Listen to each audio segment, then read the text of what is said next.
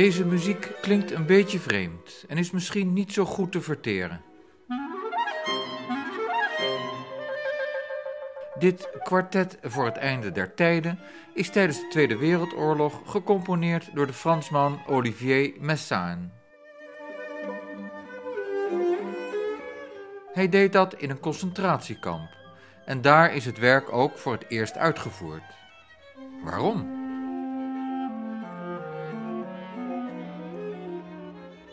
In een ander concentratiekamp richtte de Nederlandse jurist Abel Hertzberg een rechtbank op, waarmee zijn medegevangenen werden berecht op verdenking van liegen en stelen. Waarom?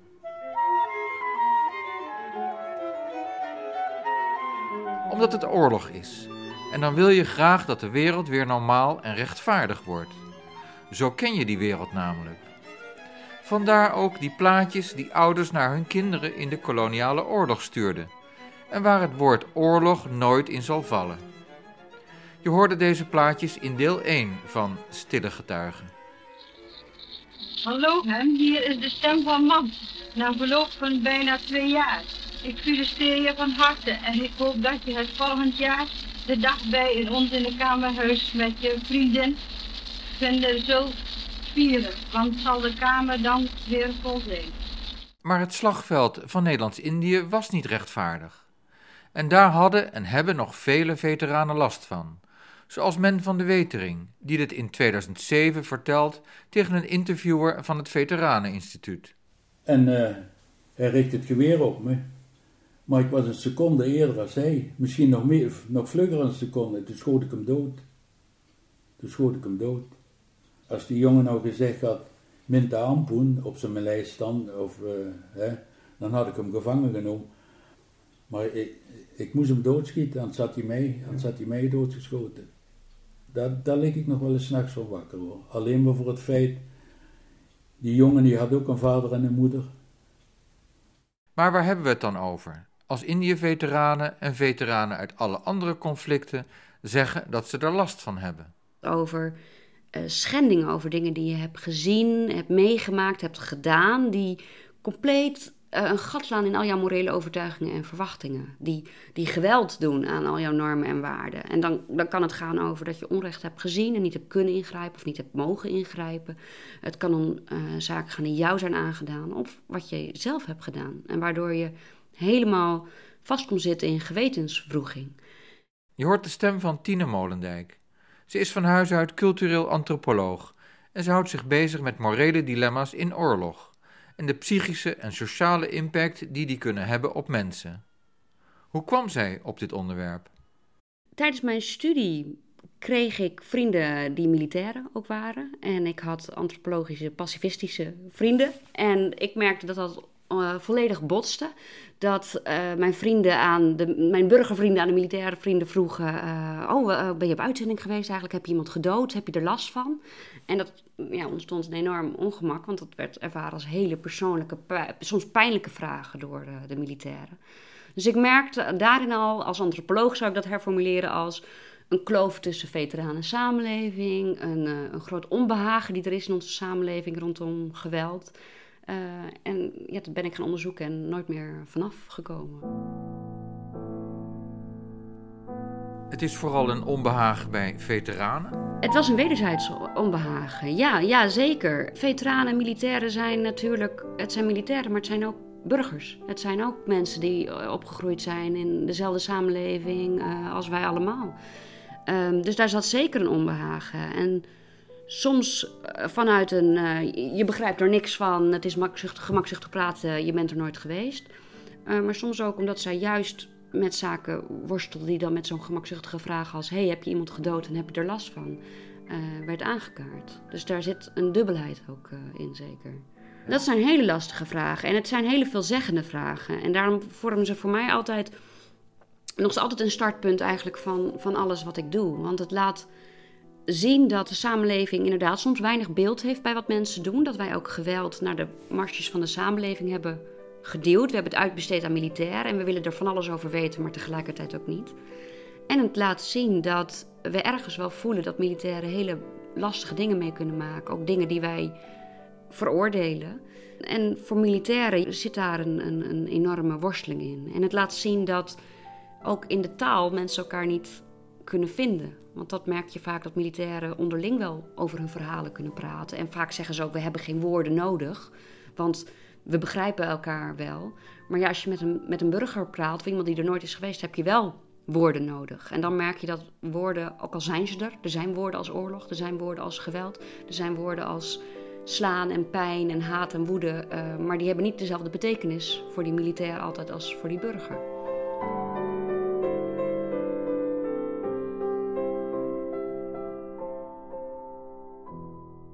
Je hoort wat Tine zegt. We willen er alles over weten en tegelijk ook eigenlijk niet. Want dat geweld, die gruwelijkheden, hebben we uitbesteed. We hebben een aparte groep in de maatschappij gecreëerd, waarvan de leden onderling aan een half woord genoeg hebben, maar met wie wij, burgers, moeilijk communiceren.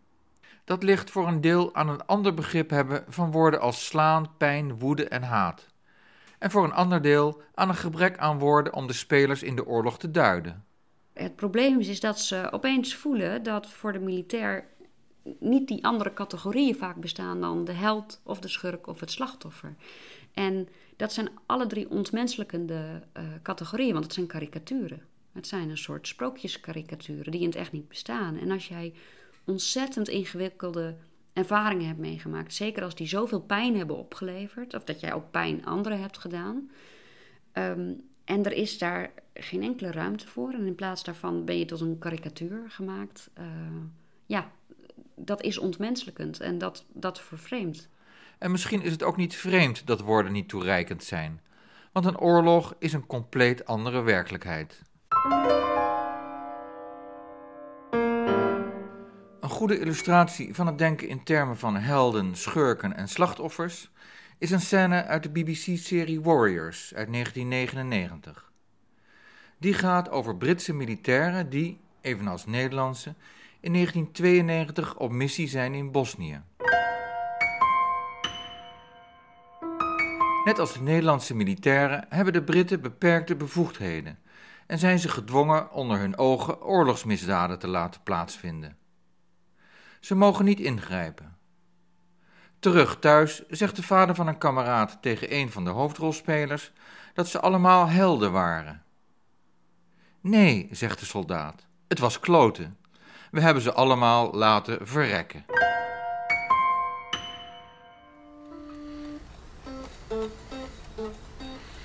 Really proud of you. Okay, thanks, Mr. S. Yeah. Ah, it's good to have you back, son. Yeah. It was a great job you lads did out there. Yeah. We're all really proud of you. You were heroes, all of you. Yeah. I think, uh, I think it was shite. What we did. Leaving people to die.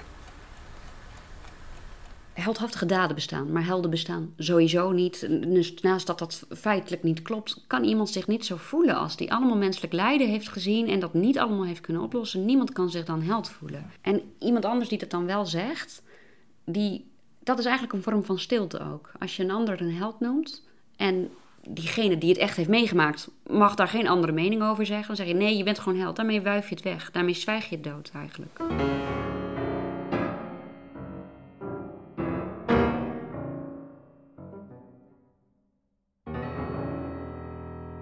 Luister naar het verhaal van de heer Hendricks, die in 2007 door Ageet van der Veen is geïnterviewd voor het Veteraneninstituut. Het gaat over een zoektocht naar vermiste kameraden. Ah, die zijn er naartoe gegaan. Die vonden vier jongens dood. En die hadden ze de kleding uitgetrokken. En vermengd, zat maar vinden ze die jongens terug. En drie vermist. En die drie vermisten, want daar heb ik ook nergens eens gehoord. Maar of dat dat waar is, dat weet ik gar niet. Die hebben ze later twee ergens teruggevonden. En dan zeggen ze, ja, volgens het onderzoek wat ze gedaan hebben, ik betwijfel het, want ik geloof niks meer, dat, dat, dat, dat er dan twee van die jongens waren. Maar die ene is altijd vermist gebleven. En dat was de beste vriend van mij. Daar heb ik hier nog een brief naartoe geschreven, weet wel, als therapie, Ja. Afschuwelijk. toen ik hier ben geweest. Ja. Ah, maar- dan kunnen, kunnen ook indenken. We hadden een stuk of vijf gewonnen, hadden we. Die echt gewonnen waren, zou ik zeggen. Eén, drie, eh, twee zwaar en drie liggen. En dan die, die zeven jongens. Dat zijn twaalf man. Ja. Kun je indenken. Wat je dan meemaakt. Dan worden, je, dan worden mens een beest. Want zo heb ik het altijd genoemd. Dan wordt een mens een beest. Als je zoiets meemaakt. Want dan Ja. worden bikkelharten. En dan zijn toen ook dingen gebeurd, daar ben ik heel eerlijk in. En ik verzwijg dat niet.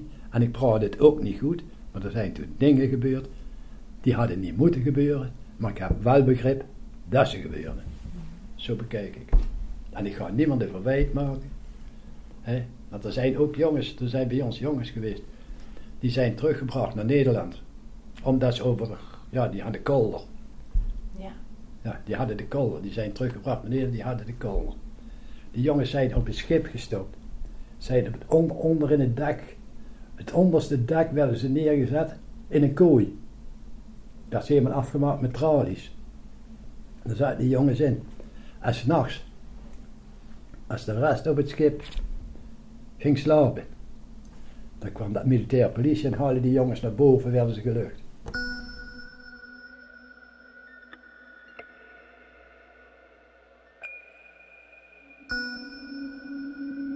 Wat je de heer Hendricks hebt horen vertellen, is wat de dood en de verminking van kameraden doet met de nog levende militairen. En dat die militairen dan zelf eerder grenzen overschrijden. En hoe sommige van die jongens doordraaien en in kooien op de boot naar Nederland worden teruggestuurd. Deze jongens waren moreel verwond, zoals dat tegenwoordig in vaktaal heet. Oftewel moral injury in het Engels. Op dit onderwerp is Tine Molendijk enkele jaren terug gepromoveerd.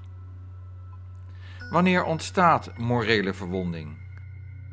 Nou, het is een hele moeilijke vraag. Want, en zeker morele verwonding is natuurlijk ook een gekke term. Alsof het een wond is in een lichaam die je dan een beetje oppoetst en een pleister op doen en dan is het goed. Terwijl morele verwonding gaat eigenlijk over een gescheurde ziel. Er is echt iets enorms eh, gescheurd, gespleit, wat je niet zomaar weer goed eh, krijgt. En dat gaat heel diep.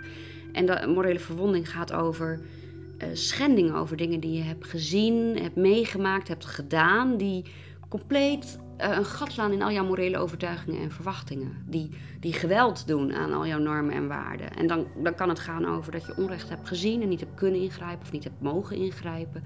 Het kan om eh, zaken gaan die jou zijn aangedaan of wat je zelf hebt gedaan. En waardoor je helemaal vast komt zitten in gewetenswroeging. En als resultaat zie je dan ehm, aan de ene kant diepe gevoelens van schuld en schaamte. En die, en die raken tot aan de ziel. Ik vind ziel geen vaag woord, maar een heel concrete term eigenlijk in dit geval. Ehm, en vaak tegelijkertijd zie je ook gevoelens van verraad. Want ja, wij zijn.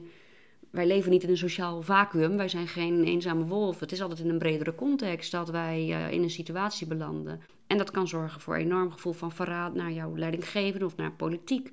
Uh, en ook uh, isolatie en vervreemding naar de samenleving. Want, want, die mensen hebben jou dan dingen laten doen die je eigenlijk niet wilde doen. Ja, of in een situatie gebracht. Um, en daarom is het ook zo dubbel. Het is vaak nooit letterlijk dat je een opdracht hebt gekregen om dingen te doen die je niet wil doen, maar je bent wel in een situatie gebracht. Omstandigheden zijn ontstaan waardoor je tot gedrag kan zijn gekomen dat je anders nooit zou hebben gedaan. Zoals Men van de Wetering, die oog in oog met een Indonesiër hem doodschiet. Want het was hem of van de Wetering. Moral injury is een betrekkelijk nieuw begrip. Hoe verhoudt zich dat tot bijvoorbeeld PTSS, posttraumatisch stresssyndroom, zoals het in het Nederlands heet, en dat we al langer kennen als een aandoening die je kunt overhouden aan een schokkende ervaring? Nou, het is heel interessant dat je door de tijd heen dus namen had van combat fatigue, naar shell shock, naar posttraumatische stressstoornis, naar morele verwonding. Want Het is niet zo dat ze allemaal hetzelfde betekenen, maar gewoon verschillende naampjes. Ehm, het zijn begrippen die aandacht leggen op verschillende aspecten van het menselijk lijden. En dat is heel veelzeggend voor het tijdperk waarin we zaten. Dus vroeger dachten we combat fatigue, het is gewoon een fysiek iets waar militairen last van hebben. Hè. Het is uh, een shell shock, het zijn de, de zenuwen die aangetast worden. Vervolgens met posttraumatische stressstoornis um, ging heel erg de aandacht liggen op angst, op levensbedreigende situaties kunnen meemaken. Uh, en daardoor een blijvend gevoel van dreiging hebben. Uh, met ook de nadruk dat het eigenlijk hetzelfde is als in het dierenrijk. Een hert op de savanne kan ook door continue dreiging posttraumatische stressstoornis ontwikkelen, uh, of in ieder geval posttraumatische stress. Um, en bij morele verwonding ligt die nadruk echt op morele vraagstukken, op die gewetensvroeging. En dat er gewetensvroeging kan ontstaan is natuurlijk zo oud als oorlog is, zo oud als de mensheid is zelf. Uh, maar daar zijn we wat van, van weggegaan eigenlijk. En die term is opgekomen om weer die aandacht erop te vestigen. Dat oorlog, um, want het is in veteranencontext ontstaan, dat oorlog niet alleen gaat over levensbedreigende situaties meemaken, maar over morele dilemma's mee kunnen maken. Of over zelf je grenzen overgaan uh, en daar spijt van krijgen. Dus, dus die, die, die ziel, dat er überhaupt pijn aan de ziel kan ontstaan, dat er gewetensvroeging kan ontstaan, dat oorlog gaat over morele vraagstukken. Um, dat zijn we even vergeten, lijkt het haast wel. Um, en komt nu overduidelijk weer terug met de morele conflicten die veteranen ervaren en mee naar buiten komen. Tine zegt dat we aandoeningen die vallen onder moral injury een tijdje zijn vergeten. Hoe kan dat? Eerst nog wat over PTSS. Het begrip posttraumatische stressstoornis is in eerste instantie opgekomen uh, na de Vietnamoorlog, of tijdens de Vietnamoorlog eigenlijk. En toen werd heel erg duidelijk dat Vietnam-veteranen ook met gewetensvroeging konden leven. Maar dat maakt het begrip ook heel erg gevaarlijk, een medisch begrip. Want het gaat over morele vraagstukken. En dan moet je dus meteen vragen stellen over: was deze missie wel gerechtvaardigd? Daarmee worden het politieke vraagstukken. Um, wat, wat hebben de, onze beleidsmakers, onze politici, uh, onze militairen in voor situatie gebracht?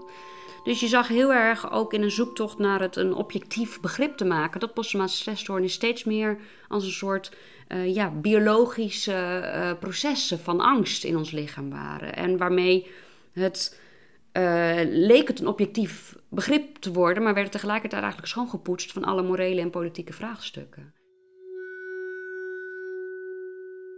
En uh, behandelaars van veteranen en ook veteranen zelf, die merkten steeds meer van ja, dat, dat dekt gewoon niet helemaal de lading. De spanning in mijn lijf is minder, maar mijn schuldgevoel is er nog steeds.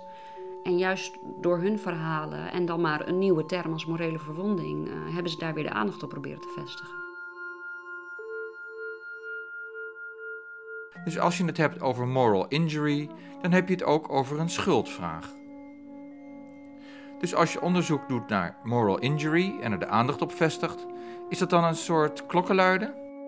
Precies. Morele verwonding gaat over morele conflicten, gaat over uh, schuldgevoelens en gaat dus ook over schuld. En waar ligt die schuld dan?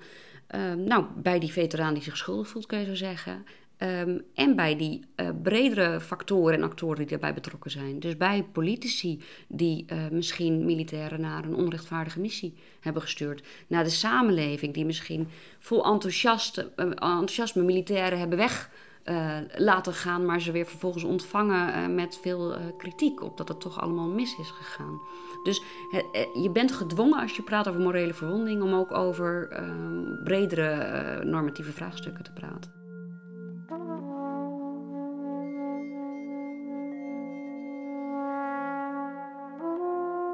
Overigens heeft niet iedereen trauma's overgehouden aan Nederlands-Indië. Volgens Tine worstelt ongeveer een kwart van de militairen na een missie met hun ervaringen. En 5 tot 10 procent van het totaal heeft grote problemen. Hoe liggen die cijfers voor Nederlands-Indië? Het radioprogramma Oog van de Naald van de ICON zendt in 1986 twee reportages uit over oorlogstrauma's bij Indië-veteranen. Daarin komt een onderzoek naar voren dat is gehouden door studenten van de KMA, de Koninklijke Militaire Academie. Twee studenten van de Koninklijke Militaire Academie in Breda hebben dit voorjaar als afstudeerproject een groep oud-Indië-militairen onderzocht op de psychische gevolgen die na bijna 40 jaar blijken. Hoeveel procent van de onderzochte groep oud-militairen heeft min of meer ernstige psychische problemen? de onderzoekers, de heren Duvekot en Lazaroms. Nou, wanneer we naar de cijfers van het onderzoek kijken, dan uh, blijkt dat, uh, uh, naar onze mening, minimaal 25% van onze onderzoekspopulatie redelijk worstelt met problemen die voortvloeien uit een verblijf in Nederlands-Indië. 25 procent. Als je dat uh, gaat omrekenen, hoeveel... Uh, er zijn 120.000 mensen ongeveer in Nederlands-Indië geweest. Nou, wanneer, er dan, wanneer we dan kunnen spreken van een representatief onderzoek... dan blijkt toch wel dat we gaan praten over een 30.000 mensen. Hier in Nederland. Die met die problemen kampen. En hoe uiten die problemen zich? Die uiten zich in nachtmerries. Het uh, totaal uh, afzonderen van uh, de buitenwereld. af en toe gewoon dichtslaan.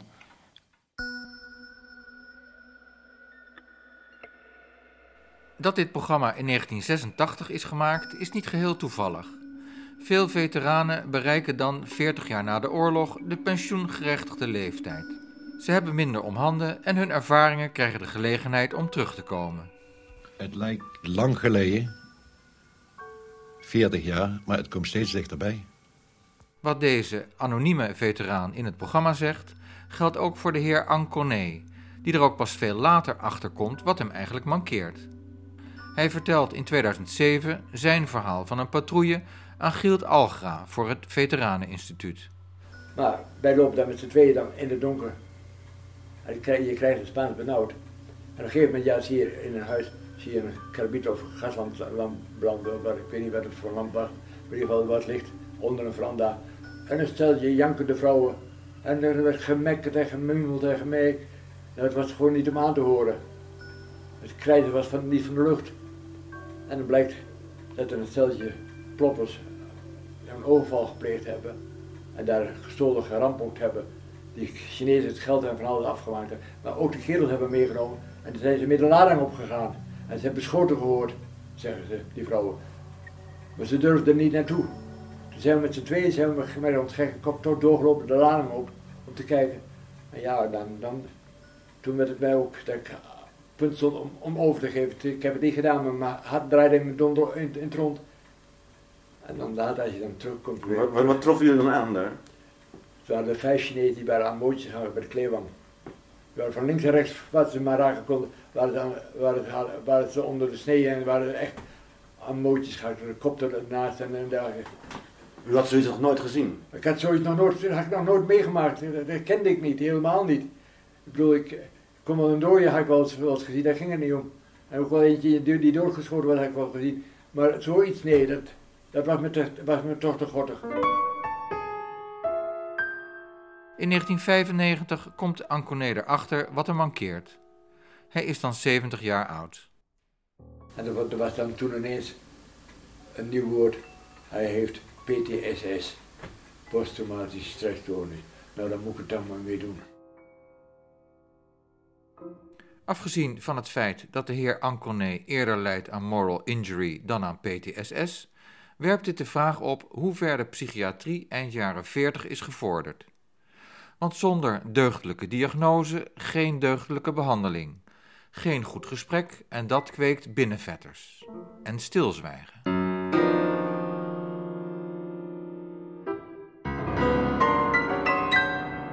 Het verhaal van die kooien waar militairen in worden opgesloten, wordt in elk geval bevestigd door psychiatrisch verpleegkundige Nel Ramakers, geïnterviewd in 2008 door Ageet van der Veen voor het Veteraneninstituut.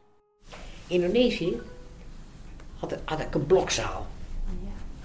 En dat was, ik noem het een gevangenis, een uh, zaal waar allemaal psychotische patiënten lagen. Knettergek. En dat was afgesloten. Daar een blokzaal heet het. En er zaten tralies voor. En dan zitten al die, die lui zitten daar. De een, een nog gekker dan de ander in die tijd. Ja. Een soort gesloten afdeling. Ja, precies. gesloten. op slot. Ja, op slot. Dat we eten, jongens moesten eten. En dan dat hek zo. En dan schoof je het eten onderdoor. Want ze konden je bijten. Nel Raamakers is opgeleid in een ziekenhuis in Zeist en bij een psychiatrische inrichting in Zandpoort. Ja, Zandpoort ging naar verschillende afdelingen. Wat was mijn fijnste afdeling? Eh vrouwenstorend. Dat zeg je niks, denk ik.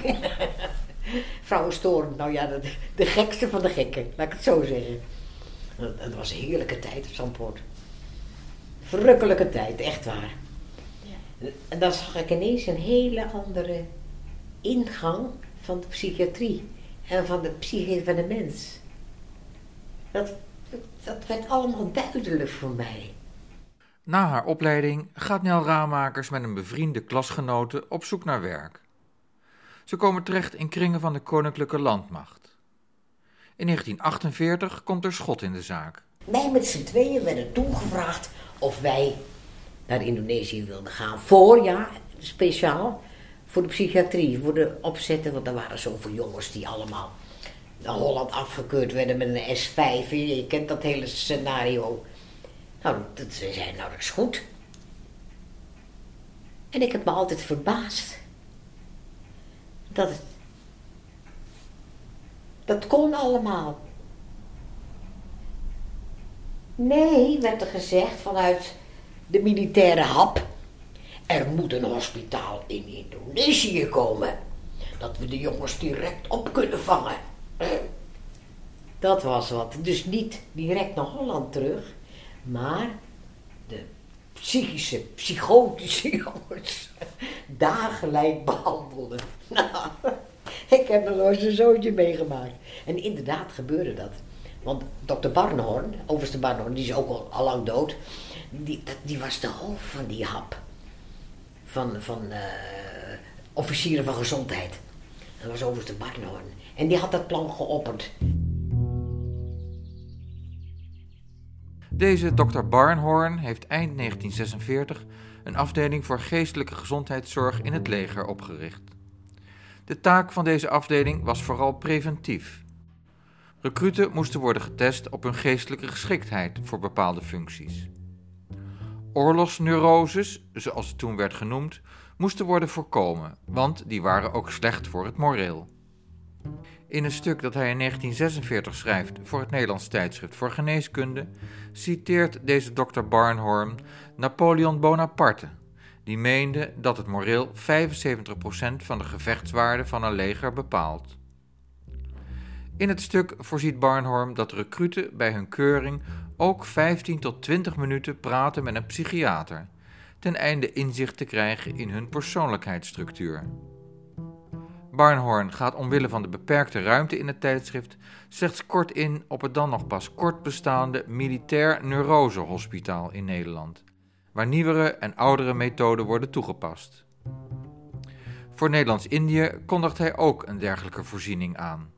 En daar gaan Nel Raamakers en haar collega aan de slag, al moeten ze in Batavia nog negen maanden wachten voor het zover is. Maar dat geeft hen tijd voor het volgen van een aanvullende opleiding. Wat waren de omstandigheden in Chimahi, bij Bandung, waar de psychiatrische faciliteit was gevestigd? Dat kun je niet vergelijken met Nederland. Dat was zo, de jongens die eh, kwamen, altijd eerst was de opname. En in de opname maakte je dan rapporten over ze en hoe ze zich gedragen enzovoort enzovoort. En dan kwamen ze in de behandeling bij de psychiater. Hadden twee psychiaters, dokter Leijten en dokter Braat. Braat was het hoofd. En die gingen dan... De patiënten gingen in de psychoanalyse. Oh, ja? Ja, Op de sofa en praten, praten. ja, precies. Ja, praten, praten, praten. Praten en nog eens praten en praten, praten, praten, praten. Ja. En kijk, want ze moesten weer klaargemaakt worden om terug te gaan naar hun onderdeel. Als ze de behandeling achter de rug hadden, dan moesten ze terug. Maar ze stortten natuurlijk weer heel snel in. Dat was zo echt water naar de zee dragen. Echt waar. En hoeveel van die jongens zaten daar dan? Een stuk of 12, 13. Ja, ja. Die zaten daar dan een paar weken. En dan Ja, en dan, dan gingen ze naar een andere brak. Ja, ja. Ja, en dan gingen ze één keer in de week naar de, naar de psychiater of de, De militaire arts, dat was de psychiater. En die uh, hele middagen gesprekken met ze voeren. Je kent dat wel. Dat is nog altijd hetzelfde hoor. Als ik dat zo hoor. Nou, ik moet er vreselijk om lachen. Ik kan er nu om lachen. Maar dit heeft kapitalen gekost. Kapitalen.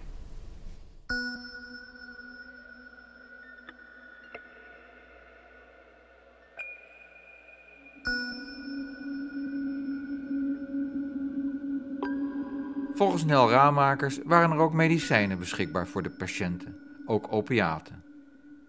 Ten slotte vraagt interviewster Ageet van der Veen aan Nel Raamakers welke aandoeningen ze zoal tegenkwam bij soldaten.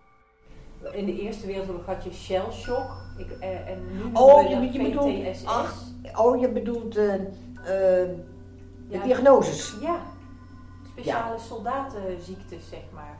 Oh ja, ja, ja, ja, ja, ja. Ja, dat, dat, dat leerde je automatisch gewoon met de lessen. Oké, ja. Want hoe was dat toen? Want nu, nu kennen we het posttraumatisch Posttraumatisch stresssyndroom. syndroom. Maar dat is Dat was de toen al. laatste jaren. Ja, ja, het bestond wel, maar het, het heette toen nog niet zo. Posttraumatische syndroom. Ze verzinnen overal, overal hebben ze woorden voor gevonden. Ja. Moet je luisteren, ik, ik heb die jongens allemaal meegemaakt. En die hadden daar die dingen hoor. Vreselijk. Oh. Kijk, en ook, vergeet niet, er waren veel psychotische jongens bij. Waar de psychose zich ging openbaren. En dat kwam dan tot uiting toen zij in Indonesië in de dienst zaten. Oké. Kijk, vandaar dat, er, dat, wij, dat dokter Barnhorn zei, wij moeten hier de mensen helpen. Hier moeten we ze helpen, in Indonesië. En Kijk. kunt u beschrijven wat die jongens dan, wat bijvoorbeeld die jongens dan voor verschijnselen hadden of voor klachten?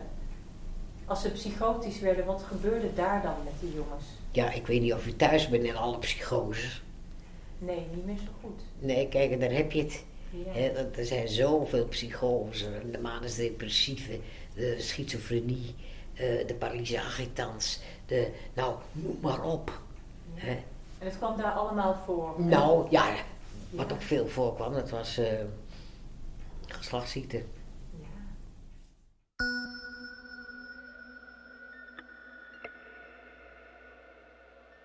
Praten, praten, praten. Sommigen hebben er behoefte aan. Anderen houden liever hun mond, soms hun leven lang. Ik heb lang gedacht dat dat praten iets van nu was. Iedereen moet maar praten. Dat zegt mijn vader ook altijd. Van altijd dat gelul. Iedereen heeft het maar over zichzelf. Ik denk, ja, dat is ook zo. Dat is iets van deze tijd. Maar hoe meer verhalen ik hoor van hoe helend het is voor mensen om te praten. Eh, ja, hoe meer ik geloof dat dat niet alleen maar een, eh, iets is, de, de zeitgeist, maar eh, iets wat goed is. En dat hoor ik ook van veel veteranen. Als ze eenmaal toch de stap zetten om te praten over hun ervaringen, daarvoor mensen kiezen die ze vertrouwen, daar de tijd voor nemen, dan raken mensen bij elkaar en begrijpen ze elkaar wel degelijk. En dat is vaak het begin van heel veel herstel, psychisch herstel en sociaal herstel, eh, weer onderdeel worden van de samenleving.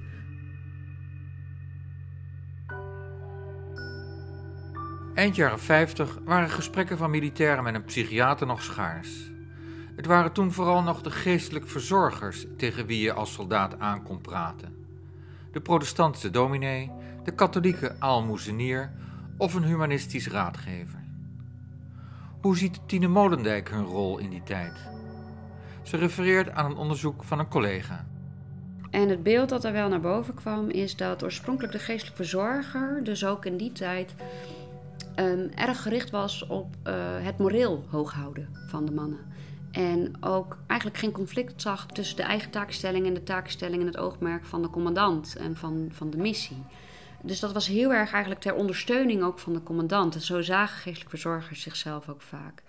Ehm, en nu merk ik dat geestelijk verzorgers enorm een onafhankelijke positie koesteren. Want ze dragen wel een uniform, maar ze zijn geen inhoudelijke verantwoordelijkheid verschuldigd aan de organisatie. Ze staan buiten de hiërarchie en ze zijn verantwoordelijkheid verschuldigd naar de kerk of naar het humanistisch verbond eh, die hun eh, zendt, zoals dat heet. Alle verhalen die ik hoor over als zij eh, een, een militair bij zich hebben gehad die twijfels heeft, of zich schuldig voelt, of worstelt, of zingevingsvragen heeft, dat het laatste wat ze zouden doen is te snel het wegwuiven en te snel proberen te zeggen: nee, maar je doet het goede. Uh, maar juist heel serieus nemen van die, van die zingevingsworstelingen. Dus dat is, dat is echt een verschil. En daarbij de onafhankelijkheid, de eigen onafhankelijkheid als geestelijk verzorger, uh, heel erg waarborgen.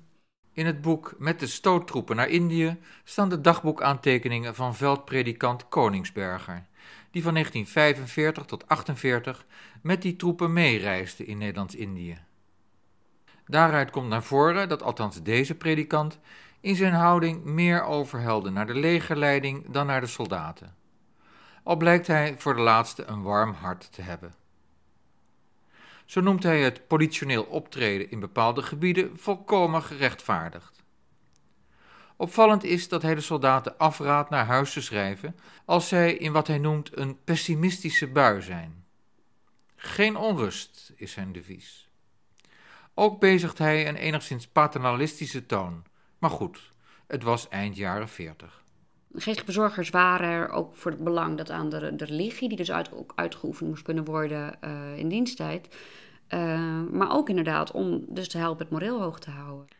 Dat komt er inderdaad nog bij, het beoefenen van een godsdienst, dat een matigende invloed moet hebben op de gruwelijkheden die de vaak jonge soldaten ervaarden, en dat ook het moreel hoog moest houden. Je herinnert je natuurlijk nog hoe de moeder van Hemmy Rosenboom haar zoon aanspoort kerkdiensten te bezoeken, zoals te horen is op de grammofoonplaat met de gesproken brief. Nu de actie bij jullie weer begonnen is, hou je dan als een echte Hollandse jongen en wanneer je nog in Batavia moet blijven en je hoeft niet mee te vechten en er wordt voor de jongens een kerkdienst gehouden, verzuim dan niet, want wij hebben ons leven niet in onze hand. En voor het geval er geen kerkdiensten konden worden gehouden, werden de grammofoonplaten met preken naar Indië gestuurd, die na de reguliere dienst in de kerk werden opgenomen. Zojuist is de kerkdienst afgelopen. Het slot ervan hebt jullie gehoord. In de zo bekende omgeving heb ik Gods boodschap mogen brengen dat hij geen van de zijnen in de knoei laat zitten. Samen hebben wij daarnaar geluisterd. Ook jullie ouders, broers en zusters en misschien jullie meisje. En nu onze gedachten bij jullie zijn, zijn we als het ware even bij jullie op bezoek.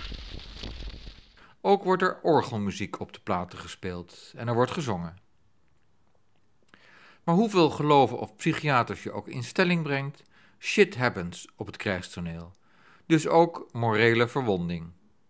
Morele verwonding is niet te voorkomen. Dat moet je ook niet willen, misschien, want moral injury betekent ook dat iemand een geweten heeft en een moreel kompas. Dus de enige manier waarop je het op kan lossen is of wereldvrede uh, of alleen maar psychopaten op uitzending sturen. Je kan het willen verminderen, um, maar um, een manier om het te verminderen is ook door uh, robots te maken van militairen. Um, die uh, helemaal niet uitmaken wat ze doen. Dus nee, ik denk niet dat je het moet willen voorkomen. Ik vraag Tine of het iets te maken heeft met rechtvaardigheid. Nou, moral injury ontstaat overduidelijk in missies waarvan de militair later denkt dit was een zinloze of onrechtvaardige missie. Maar je ziet ook heel veel voorbeelden uh, uh, ervan in de Tweede Wereldoorlog bijvoorbeeld. En er is een geallieerde, een, een Britse veteraan, uh, die later filosoof is geworden, die prachtige boeken daarover heeft geschreven. Die vertelde ook hoe hij tijdens de Tweede Wereldoorlog eigenlijk ook genoot van de destructie en de vernietiging die hij zag.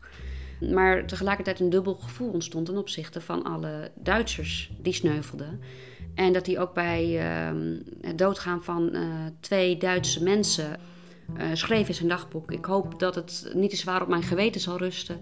Uh, maar als dat niet zo is, dan zal me dat ook verontrusten. Dat is dat dubbele, dat oorlog um, en vechten hoe rechtvaardig ook, of hoe meer het ook nodig is voor een hoger doel, toch iets met mensen doet. Het blijft vernietiging. En dat is iets wat uh, we misschien kunnen weten, maar wat je pas voelt als je het echt meemaakt. Hoe is de staat omgegaan met mensen die na de koloniale oorlog psychische problemen kregen? Dat wordt verteld in het ICON-programma Oog van de Naald uit 1986. Na enig politiek geharrewar werd in 1978 het zogenaamde nazorgorgaan van Defensie opgericht. Bijna 30 jaar dus na het einde van de oorlog in Nederlands-Indië. Maar alleen mensen met een defensiepensioen, een zogenaamd dienstverband, mogen er een beroep op doen. Van de 20.000 oud-militairen die een invaliditeitspensioen krijgen, hebben tussen 4 en 6.000 die uitkering op grond van het gebeurde in Indië gekregen. Tekenend is trouwens dat niemand het getal precies weet. Ongeveer 10% van die groep kampt met ernstige trauma's opgelopen in Indië. Het aantal wat lichtere gevallen is veel groter. Tom van Breukelen als psycholoog verbonden aan dat nazorgorgaan. Nou, wat je in eerste instantie merkt, dat ze vaak op latere leeftijd er ontzettend van geschrokken zijn dat, uh, dat ze er problemen mee hebben. Um, ze zijn op een of andere manier vaak uit hun werk uh, gekomen. Ze zijn de WHO in of zijn met de FUT en dan plotseling komt het boven. Herinneringen van 30, 40 jaar terug. En daar schrikken ze ontzettend van. En ze kunnen dat niet geloven, want het was er allemaal weg. En op een gegeven moment komen ze dan hier. Of omdat ze een pensioen van Defensie hebben aangevraagd. Of omdat ze al een tijd, soms voor iets anders, een pensioen van Defensie hebben. En dan uh, zitten ze eigenlijk tegenover je in complete verwarring nog van... hoe is dat nou toch mogelijk, dat het allemaal terug is gekomen? Ik dacht dat het allemaal weg was en daar is het. Uh, nou, ze hadden gehoopt uh, dat ze een wat rustigere oude dag hadden. Maar ja, ze zijn volledig in verwarring. Je hoorde de presentator zeggen dat tussen de 4 en 6000 Indië-veteranen een invaliditeitspensioen kregen. Die konden een beroep doen op de nazorg. Dat is dus ongeveer 3 tot 5 procent van alle militairen die in Indië zijn geweest.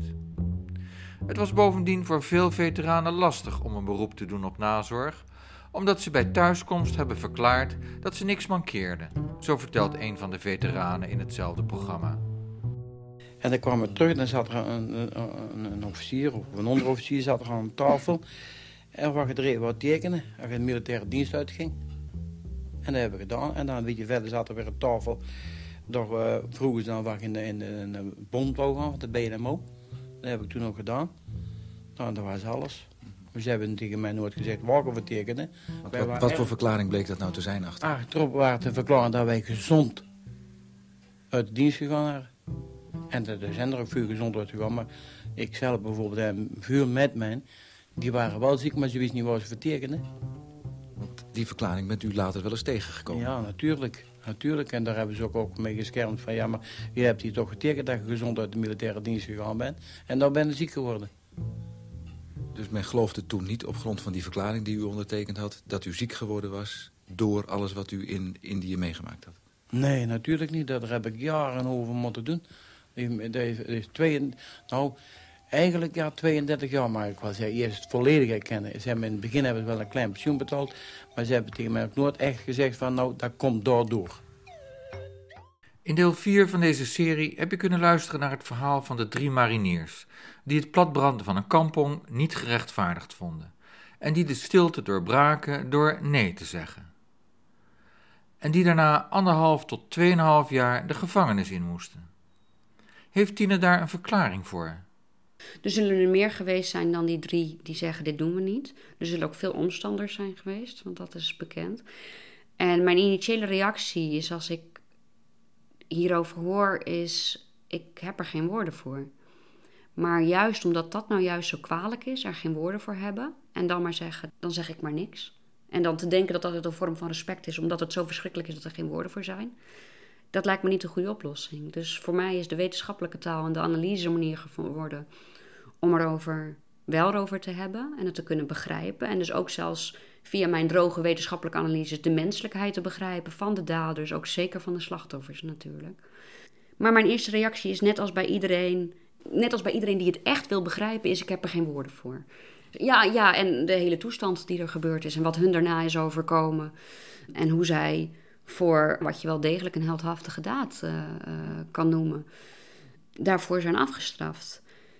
Uh, klokkenluiders zijn vaak eh, ook hele lastige mensen altijd geweest. Mensen die niet binnen de groep passen, die zich al deels buiten een groep hebben geplaatst omdat ze niet passen bij een groep uh, of, of, wat voor redenen dan ook. Zijn vaak ook niet aangepast. Dus je ziet ook um, dat ja, en ze in de dagelijkse omgang juist helemaal geen leuke mensen kunnen zijn. En helder worden in dit soort situaties waar het op aankomt. Wat ze dus ook deels kunnen doen, omdat ze verder buiten de groep staan en niet die druk voelen die anderen voelen. En ik zeg dit soort banale dingen, want dat lijkt het misschien, of dat ik het daarmee het ene goed praat of het ander afzwak. Um, maar al dat soort gekke dagelijkse menselijke dynamieken zie je hier uh, in het groot ook terug. En dat brengen al die nare grijstunten weer terug, die we eigenlijk niet willen, maar die ik vind die we wel moeten erkennen. Al die grijstinten en al dat goed en kwaad dat in ieder mens zit, zonder het ene goed te praten of het andere af te zwakken.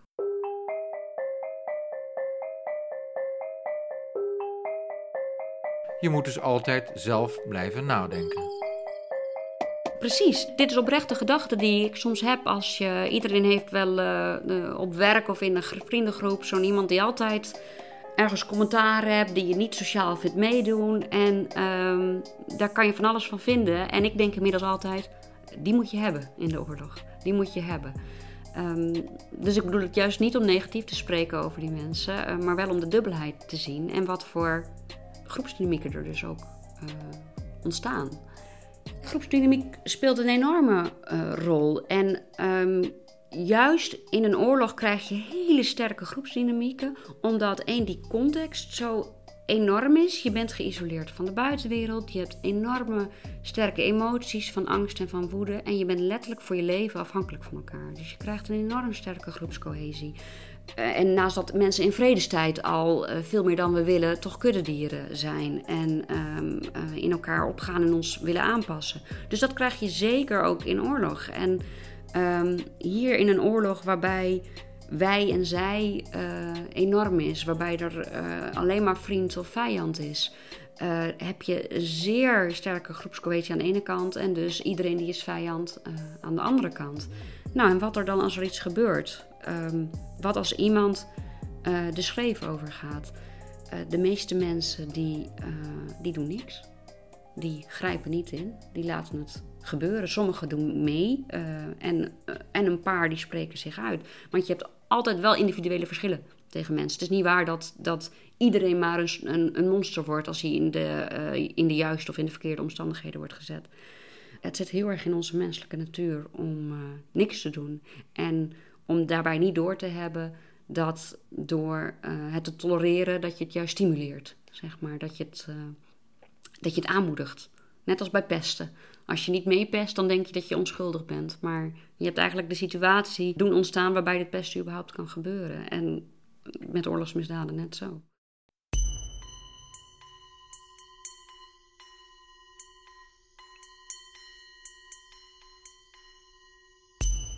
En dan verkrijgt Indonesië eind december 2049 zijn zwaar bevochten soevereiniteit. Voor veel militairen is dat een deceptie. Was deze oorlog met terugwerkende kracht een rechtvaardige?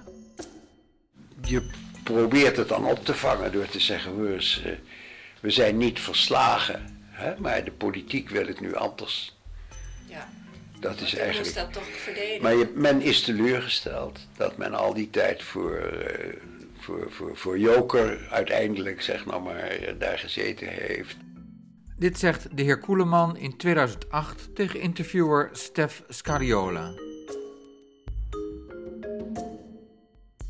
De ontvangst in Nederland is buitengewoon kil, zegt Georges Balieu in 2015 tegen Ageet van der Veen. Gewoon in Amsterdam kwamen we met de grote beer binnen.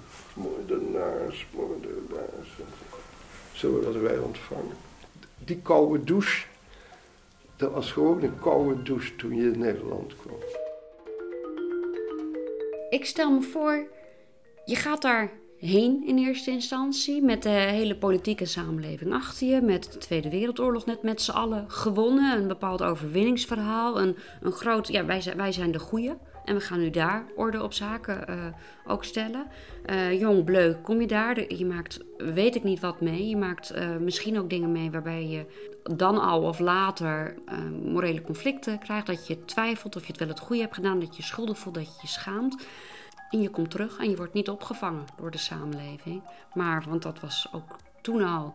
Um, waren de beschuldigingen van dat er het fout waren gedaan, dat, er, uh, dat het moordenaars eigenlijk uh, misschien deels waren. Of in ieder geval moesten we het er maar niet meer over hebben. En we gaan door. Ja, dan heb je je thuis verlaten. Ben je naar een compleet vreemde wereld gekomen waarin van alles is gebeurd. En je komt terug, maar het is je thuis niet meer. De, de, de enorme vervreemding, uh, alles wordt onder je voeten weggeslagen. Je, je, je morele kompas ben je misschien al kwijtgeraakt en ook je, je thuis uh, ben je kwijtgeraakt. Uh, ja, als je, als je al niet van plan was te zwijgen, dan ben je het nu wel. En dan trek je je terug. En dan ga je het er niet meer over hebben. En dan word je, ook al voel je je schuldig om wat er is gebeurd, word je alsnog woedend op het moment dat de samenleving uh, weer met rapporten en onderzoeken komt waarin gezegd worden dat, dat we het fouten hebben gedaan.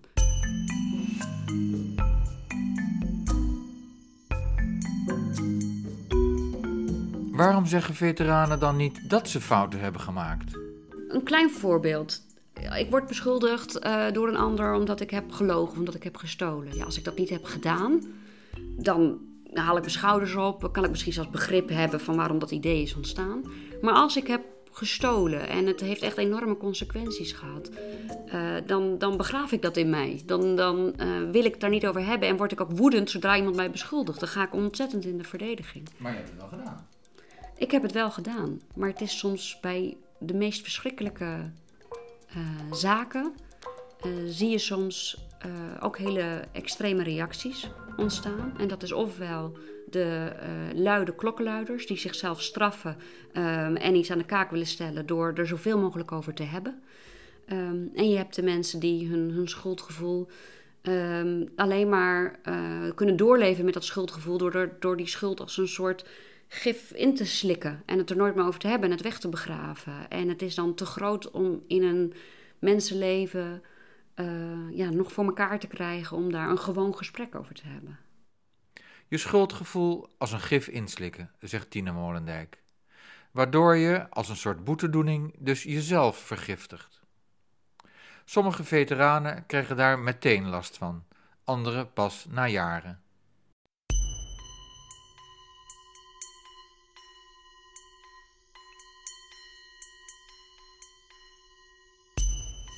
In de BBC-serie Warriors zit het venijn in de staart.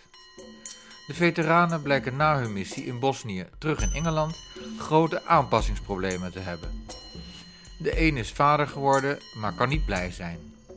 De ander droomt nog steeds over de lijken waar hij overheen moest lopen om daar één levend mens tussenuit te vissen. Een derde doet boodschappen in de supermarkt en ziet daar een verwend kind tegen haar moeder uitvaren.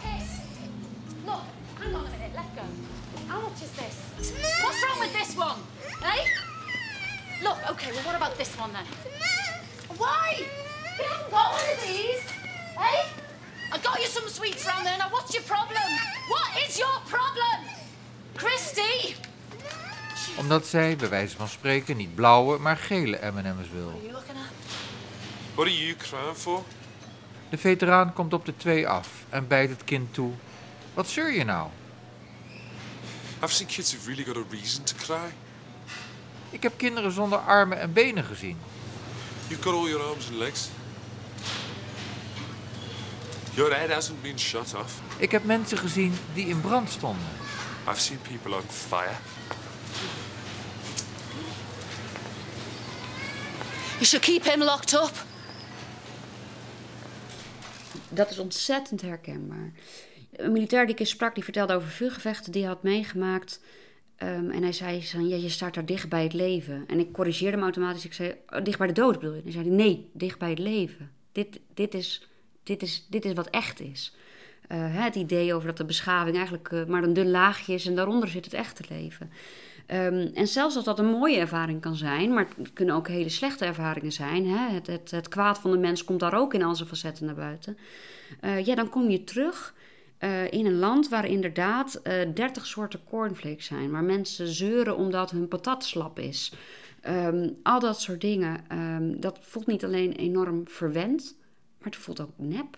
En dat hoor je heel vaak. Het idee, ik ben in een poppenkast teruggekomen.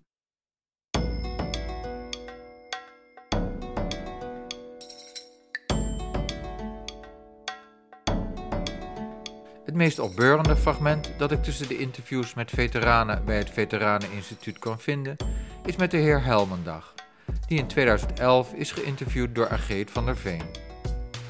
Hij is jaren later voor een herdenking teruggegaan naar Libanon, waar hij naast Nederlands-Indië ook heeft gediend. Aan de missie in Libanon hadden ook Indonesische militairen meegedaan. Vlagreizen. Nou, dan mochten dan de oudste, ik was de oudste, en de jongste mochten vlagreizen. Na afloop gingen we in de kantine. En er stonden drie Indonesische militairen achter de bar om ons koffie te geven. En toen zei ik meteen, ik wou een kopje te roepen, zoek zo, weet je. Dan snapten ze niks van dat nou een Hollander daarin ineens maar begon te praten. Oh god, dat was wat, daar moesten ze bij komen, moesten zitten. En waar ben je geweest? Hè, Palermo. God, dan zegt hij, ik kom ook uit Palermo. Nou ja, dan... Dat was wel leuk, hè? Het is maar even geweest, hoor. Maar ja, dan, uh, een, een leuke ontmoeting, hè? Ja. Als je dan kijkt hoe ze dan verschrikt kijken. Ja, wat bijzonder dat u dat allebei inderdaad uh, ja, heeft ja. meegemaakt, hè? Ja, ja. ja wat, wat zij was erbij. Jongens, ja, je staat er ook nog mee op de foto, ja.